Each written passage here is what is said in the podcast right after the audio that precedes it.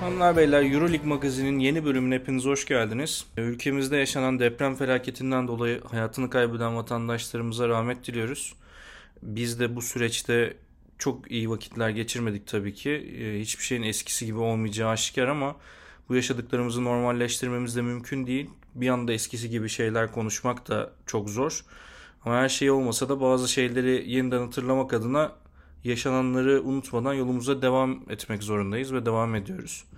Ee, biz de çok zor olsa da yine size bir şeyler sunabilmek için tekrar bir kayıt yapmak istedik. Ama e, bu kayıt için maalesef Aksaçlılar bu hafta yoğun olduğu için ben de yine boş geçmemek adına bir monolog yapayım dedim. Bir 10-15 dakika sizle basketbol konuşmaya çalışacağım. Eurolig'e dönmeye çalışacağız. Hepiniz için zor olabilir. Bu süreçte benim için de çok zor oldu açıkçası Eurolig'e geri dönmek ama bir spor müsabakasına geri dönmek de çok kolay olmadı ama hayatta devam ediyor maalesef. Bu hafta öncelikle bu olayla birlikte şundan başlayabiliriz. İki Euroleague temsilcimizin de Fenerbahçe Beko ve Anadolu Efes'in de sahaya çıktıkları siyah formalar çok şahaneydi. Çok özeldi. Bence satışa sunulup bunların da depremzedelere bağış olarak sağlanabilir. Elde edilecek olan gelir. İki forma da çok güzeldi. Ben çok beğendim. Elimde olsa yani alabilecek şeyimiz olsa ikisinden de almak isterim açıkçası. Çok da özel formalar aynı zamanda çünkü. Fenerbahçe Partizan deplasmanına gitti ve Gudur için, yani Kızıl Yıldızlı Gudur için mükemmel oyunuyla Partizan'ı yenmeyi başardı. Aynı zamanda Guduric de haftanın MVP'si seçildi. 25 sayı, 2 rebound, 7 asist, 2 top çalmayla. Spordaki şeyi görmüş olduk. Oyuncunun psikolojisinin ne kadar önemli olduğunu, maça ne kadar etki edebileceğini bu sayede görmüş olduk. Çünkü Guduric'i sezon başından beri hatta geri ilk ikinci kez Fenerbahçe'ye geri dönüşünden beri NBA'den hep eleştirilen, sürekli top kaybı yapan ve tam anlamıyla memnun olunamayan bir oyuncu halinden Partizan deplasmanında ne yaptığını bilen, adeta maçı tek başına alan ve bunu sahaya imzasını atan bir Guduric vardı. Gerçekten inanılmaz oynadı. Diğer taraftan Partizan tarafında boş geçmemek lazım. Dante Exum bence kariyer sezonlarından birini oynuyor. Obradoviç bambaşka bir seviyeye geçti diyebilirim. Lesord ve Motley eşleşmesi çok güzeldi. İzlemek ayrıca keyifliydi. Muhtemelen sert basketbol seven arkadaşlar da bundan keyif almıştır. Ama bir taraftan şimdi sert basketbol demişken şuna dönmek istiyorum. Biraz konudan konuya atlayabilirim. Tek başıma biraz zorlanacağım gibi gözüküyor ama NBA'de bundan bir, bir iki hafta önce NBA All Star'ı izledik ve All Star'da yine hiç savunmanın olmadığı sekanslar yaşadık. Bununla birlikte zannediyorum iki akşam evvel e, Sacramento Kings ve Los Angeles Clippers maçında 176-175 biten iki uzatmalı bir maç vardı. Dolayısıyla savunma olmayan, sertlik olmayan basketbolla ilgili değil bu. Herhangi bir sporda çok artık zorlanmaya, tutunmaya tutunamıyoruz bu şeyde, bu verilerle. Çünkü gerçekten zor. Hiçbir şey vaat etmeyen, sadece hücum tarafı bilmiyorum en azından bana ifade bir şey ifade etmiyor. Dolayısıyla biraz savunma görmek istiyoruz. E, bu basketbolun eğlence sektörünün bir parçası olmasından mütevellit yani tam anlamıyla bir eğlence sektörüne dönüşmeye başladı NBA benim gözümde. Yani normal sezonu hiç oynamayıp sadece playofflarla devam edebilir herkes. Gerçekten hiçbir şeyi kalmadı. Hiçbir hükmü kalmadı açıkçası. Çünkü savunma olmayan maçlar, tatsız hikayeler, set oynanmıyor neredeyse. Bireysellik çok ön planda ve dolayısıyla hani burada bunun sıkıntıları var. All Star eğlencesi artık bambaşka bir seviyeye gitti. Fenerbahçe tarafında smaç yarışmasını kazanan e, Mac McClung var. Fenerbahçe sezon başında teklif yapmış. Ama Avrupa'ya geçiş olmamış. G League'de kalmayı tercih etmiş. E, Zach Irvin onu Amerika'da kalmaya ikna etmiş. Ama bu ne transferi olacaktı olsaydı onu bilmiyorum tam olarak. Çünkü NBA kariyeri yani 24 yaşında olan bir oyuncu ve NBA kariyeri 25 dakika hali hazırda. Dolayısıyla bu bir scout transferi mi, menajer transferi mi olacaktı bilmiyorum. Carson Edwards olduğu için bu arada Mac McClung olmamış. Bu faydalı bir hareket mi oldu? Carson Edwards daha mı iyi oldu? Bilmiyoruz tabii ki. McMcCollum'u da izlemek lazım. Çünkü onunla ilgili değerlendirme yapabileceğimiz bir veri yok ne yazık ki elimizde. Dolayısıyla hani burada e, yine Carson Edwards transferini okey olarak nitelendireceğiz. Tekrar maçlara dönecek olursak e, tabii yine tekrarlamak isterim. Zor bir süreçten çıktığımız için maçı değerlendirecek ve burada podcast'te konuşacak bir vaziyette olduğumu söyleyemeyeceğim. Hani o gözle çok takip edemedim. Hani sporun içinde kalmaya çalışıyorum tabii ki. Ee, ama bir taraftan da yani ma- maç verisi çok fazla yok ne yazık ki elimde. Ama yine de Fenerbahçe'nin büyük bir galibiyetle geri döndüğünü Euroleague'e söyleyebiliriz.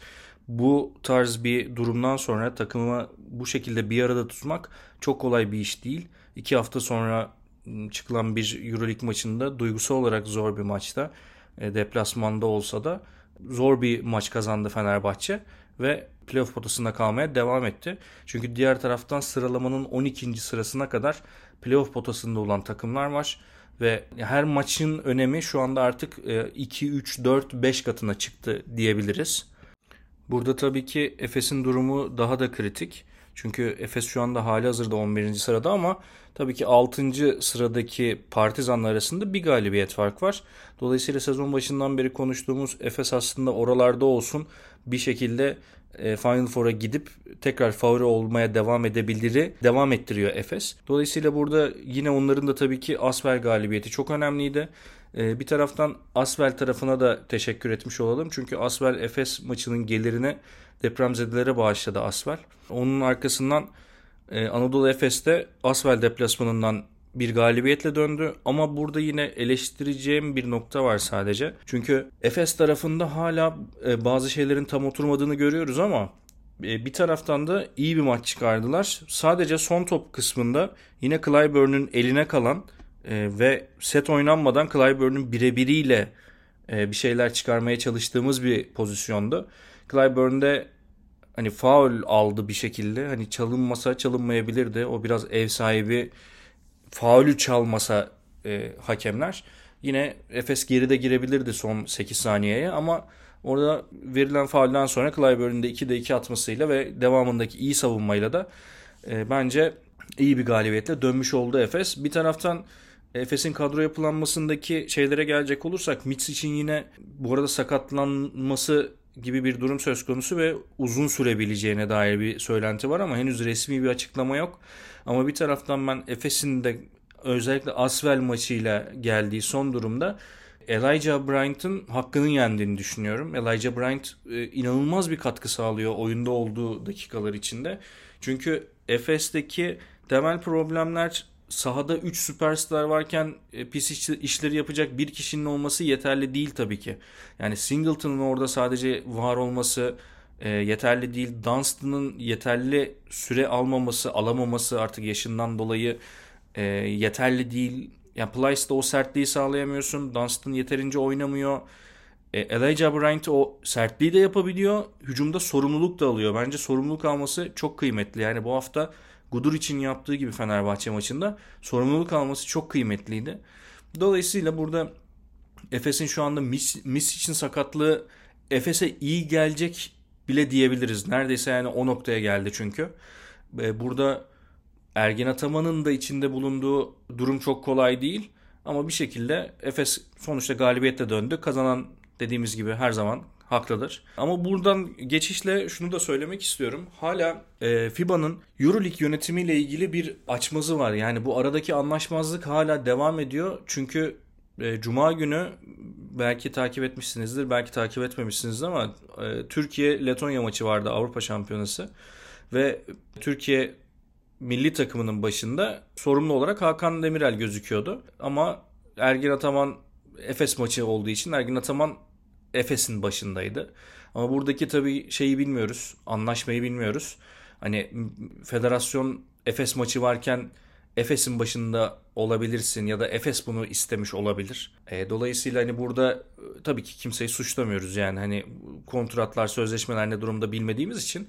E, ama bir taraftan da Euroleague maçının olduğu gün yine bir çakışma yaşadık ve yine oyuncular milli takıma gitmedi. Euro, yani gerçi şeyde Efes'te böyle bir durum çok söz konusu değil de hani zaten o Türkler çok fazla oynamadığı için gitseler de bir şey fark etmeyecekleri yüksek ihtimalle. Ama e, dediğim gibi hani buradaki FIBA ile EuroLeague açmasını Bodiroga da şu anda çözebilmiş değil. Ama bu nereye kadar gidecek? Yani bu bizi ne kadar etkileyecek bunu bilmiyorum. Çünkü Türk milli takımında oynayan oyuncularımız şu anda en en çok top kullanan ve en formda oyuncular şu anda şey Furt Extra Bursa Spor'da oynayan oyuncular. E, Efes'te böyle bir oyuncu şeyi olmadığı için kadrosu ve Fenerbahçe'de de dolayısıyla hani şeyimiz vardı kadroda ama tabii ki EuroLeague'de aldığı sürelerde kısıtlı olduğu için biraz milli takım açısından zor gözüküyor. Haftanın genel görünümüne bakacak olursak e, önemli maçlardan bir tanesi Barcelona Monaco maçıydı. Barcelona Monaco maçında da Yine Monaco bir fırsat tepti maç esnasında ve Barcelona galibiyet alarak yukarıda kalmaya devam etti. Monaco ile aradaki galibiyet farkını da ikiye çıkardı. E, lig lideri Olympiakos yoluna dolu dizgin devam ediyor. Sasha Vezenkov ayın MVP'si seçildi.